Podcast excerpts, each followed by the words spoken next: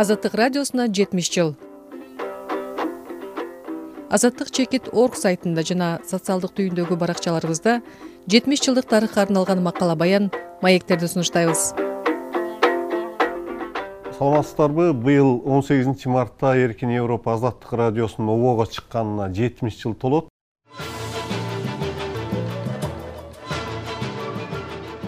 Бирок азаттыктын кыргызстанга келгенинин өзүнчө тарыхы бар ага себепчи болгон адамдар бар.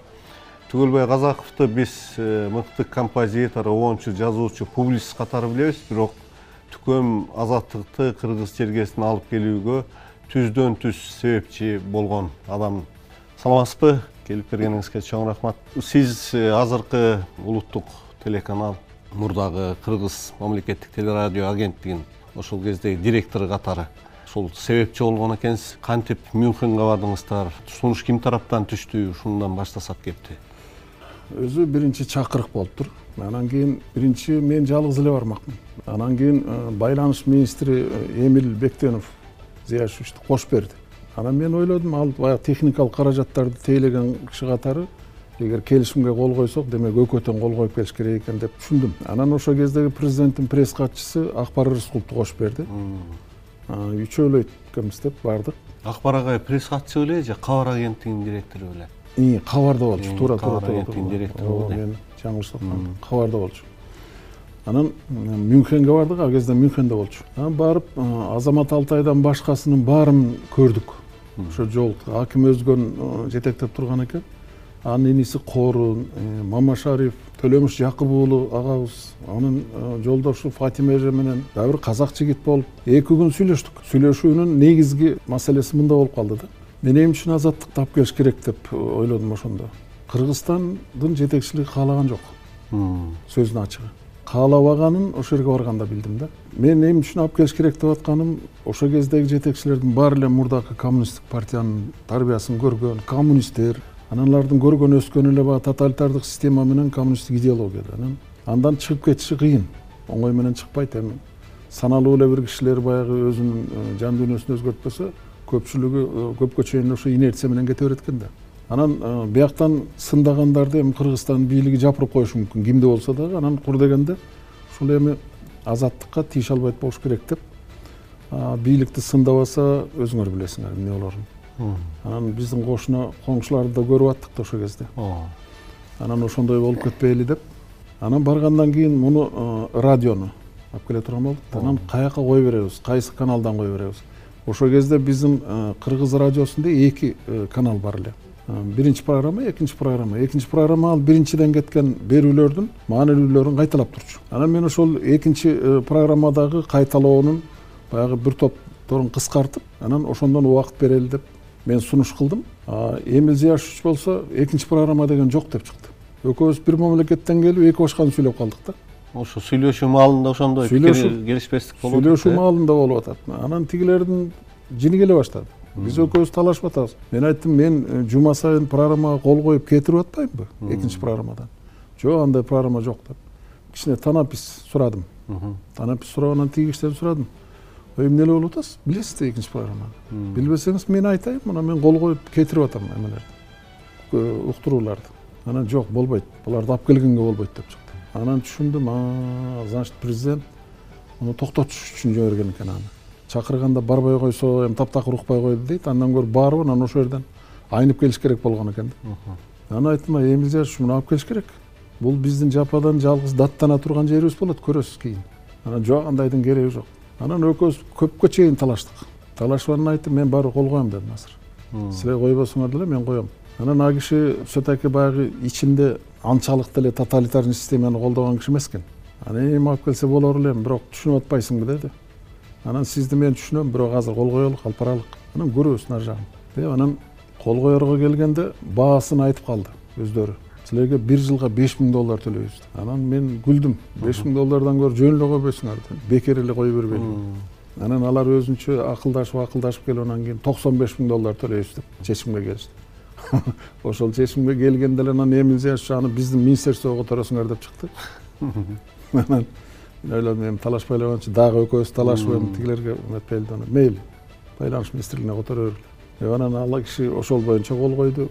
Биз азаттыкты экинчи программадан орун беребиз деп кол койдук дагы. Анан ошол жердеги биздин кыргыз боордоштор эми кечинде чай ичели деп калды. Анан бир түрк рестораны бар экен. Ошол жерге бардык. Чакан эле ушул ушул залда эле го дейм. Ошо чайга чейин мен бир суроо берип алайынчы себеби мынабу ошол азаттыкты алып келүү алып келбөө маселеси мына өтө мына сиздин ошол жерден чечкиндүүлүгүңүз өзүңүздүн баягы адам катары инсан катары алган позицияңыздан көз каранды болуп атат. Берки эмил бектенов ал кишинин өзүнүн да ролу болсо керек. Ошол убакта азаттыкка мамиле негизинен кандай эле ага чейин кандай болду эле? Сиздин кабарыңыз жокпу? Ошол учурда мисалы башка кыргызстандан тышкаркы биздин кошуналарга да сунуштар болгонбу болгон эмеспи деген болгон.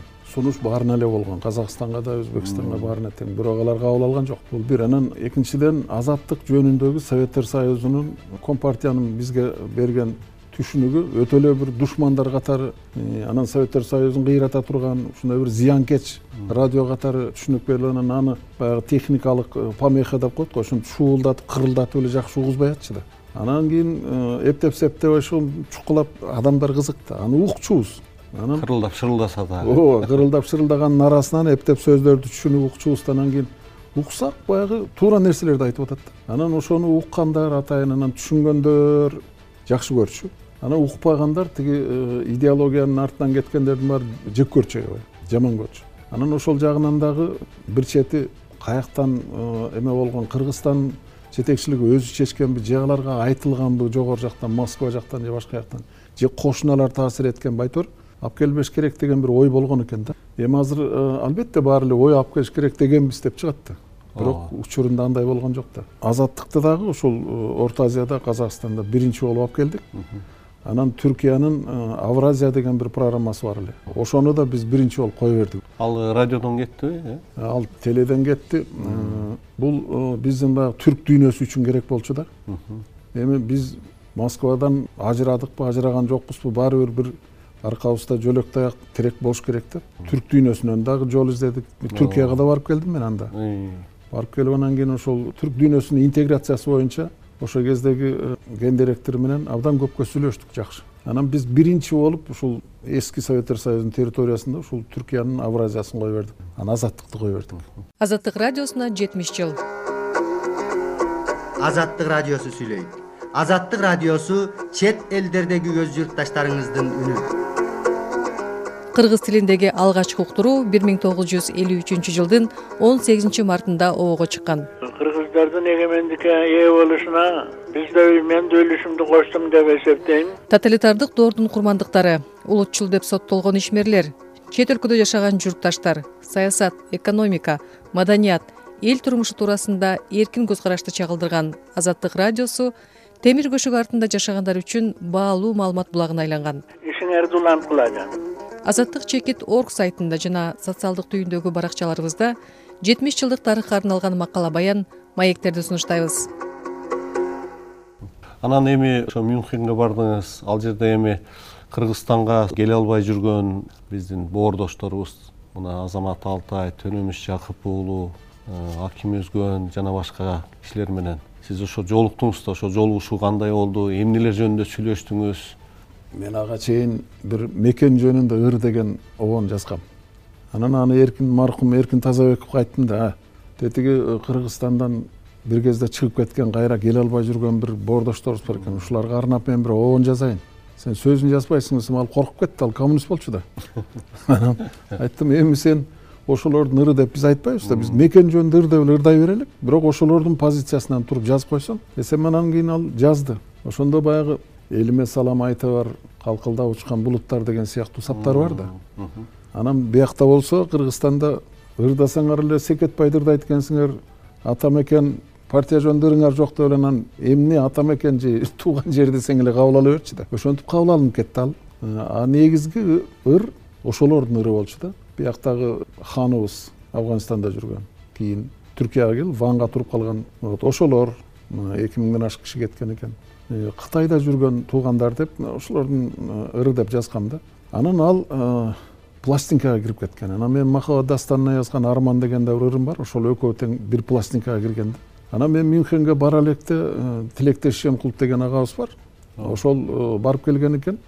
Келип эле айтты ой сенин пластинкаң тетиги эмеге жеткен экен мюнхенге. Аны омор султанов агабыз алып барыптыр пластинканы төлөмүш жакып уулу сенин жана мекен жөнүндө ыр деген ырыңды угалы эле ыйлап атат деди мен ал кишинин ким экенин деле билбейт экенмин анан баргандан кийин төлөмүш жакып уулу аксакал мени кучактап алып ой мен сени көрбөгөн азабы калбаган бир картайган киши экен десе жапжаш жигит турбайсыңбы? дейт. Анан бул ырды эмнеге жаздың эле? Анан бул ырды силердин ырыңар деп жазгам мен. Ошо мен шыр эле тааныдым. Бул менин ырым деп мына баарына айтчумун дейт. Менин ырым деп демек ошол эми ошо кыргызстанга кыргыз чергесине кыргыз өлкөсүнө деген кусалык да ал жерде эми ушундуктан арман күч. Бул эми биз э, биз аны жакшы түшүнө албайбыз. Бул алардын арманы мынабу түркияда ванда жүргөндөрдүн арманы ошондой э, кишилер гана чыгарат экен да. Жанагы сулайман кайыпов алып келген макал мамазия акенин айткан макалы эр мекени туулуп түшкөн жери ит мекени жугунду ичкен жери деген макалды. Ошолор чыгарган да. Биякта туруп биз чыгара албайбыз андай макалды ошолор чыгарган. Анан алардын кусалыгы эми э, укмуш эле.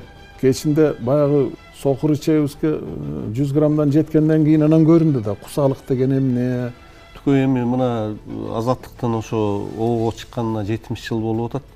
Азаттык дагы эми ар кандай окуяларды баштан өткөрдү? Мына сиз өзүңүз себепчи болуп кыргызстанга э, ушинтип ачык элге усулуп көргөзүшүнө чоң салым кошуп турсуз сиздин дагы майрак сизди дагы куттуктайбыз бул жетимиш жылдык менен. Анан эми акыркы отуз бир жылдан бери деле азаттык көп нерселерди баштан кечирип атат да. Ошо азаттыкка байланыштуу өзүңүздүн пикириңиз кандай? Азаттык сиз үчүн эмне деген суроо да.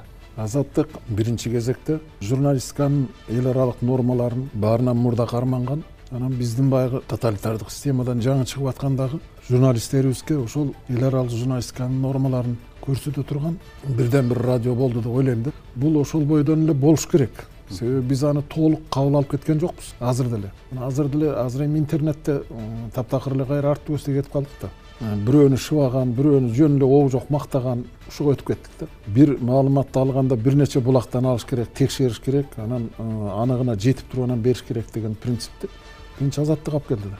Ошон үчүн азаттык дайыма керек. Анткени ушундай бир учурлар болду баарыңар билесиңер кыргызстанда эч ким сындай албай сын айта албай сын айткандар куугунтукталып четинен атылып жок болуп баштаганда жалгыз азаттыкка таянып калды эл. Бир кезде асаба гезитине таянгандай эле өзүң иштеп жүргөндөгү. Ооба. Азаттыкка таянып калды. Анан аны дагы муунтканга чейин барышты. Онунчу жылдарга чейин. Болду ошондой окуялар. Өзүңдүн башыңан өттү өзүң күбөсүң ага. Кыргыз бийлиги ошондой да мына ошол он жылдан кийин деле баары бир ачуу айтылган сын пикирди көтөрө албай турган бийлик пайда болуп калып атат да. А бирок ал айтылып туруш керек да. Биз жанагы флакондогу өтүк май сыяктуу элбиз да. Бирок биз сыгылып кеттик сыртка чыгып кеттик да. Анан жанагы эси жок бийлик ошону кайра артка киргизем деп атат да. Бул эч качан кирбейт да эч качан кирбейт. Ушундай салыштырса болот да. Кыргыз эли чыгып кеткен флакондон аны кайра кууп киргенге болбойт. Аны менен жакшы сүйлөшүш керек да иштешиш керек. Болбосо чатак. Биздин эл э, ошондой эл. Анан азаттык ошол баары тум чыгып калган кезде ушу чындыкты айта турган э, сын пикирди да айта турган калыстыкты да айта турган бирден бир массалык маалымат каражаты деп билем да мен. Себеби аны бийлик жапырып өзүнүн саясатын жүргүзтүрө албайт. Бул ушу калыс тура турган бирден бир массалык маалымат каражаты. Мен азаттыкта иштеп кеткен иштеп жүргөн кызматкерлердин баарын ушу жетимиш жылдык мааракеси менен куттуктайм ушул иштеген азаматтардын баардыгын эл аралык журналистиканын негизги принциптерин бекем кармаган э, мамлекетте обоштуу иш болгондо бели бекем болуп туруп бере турган азаматтардан болсо деп тилейм да. Чоң рахмат сизге. Анткени эми сиз туура белгиледиңиз азыр биз деле ушул жерде иштеп аткандар. Жалаң эле кыргыздын уул балдары э, кыргызга же кыргыз мамлекетине эч качан жамандык каалашпайт болгону баягы сиз өзүңүз айткандай ар түрдүү булактардан ошо болгон болгондой чагылдырып келатабыз сиздин өзүңүзгө дагы чың ден соолук каалайбыз ишиңизге ийгилик каалайбыз. Урматтуу радио угармандар бизде бүгүн мейманда кыргыз республикасынын эл артисти белгилүү композитор обончу публицист түгөлбай казаков болду. Көрсөтүүнү мен кубат оторбаев алып бардым. Саламатта калыңыздар. Азаттык радиосуна жетимиш жыл азаттык чекит орг сайтында жана социалдык түйүндөгү баракчаларыбызда жетимиш жылдык тарыхка арналган макала баян маектерди сунуштайбыз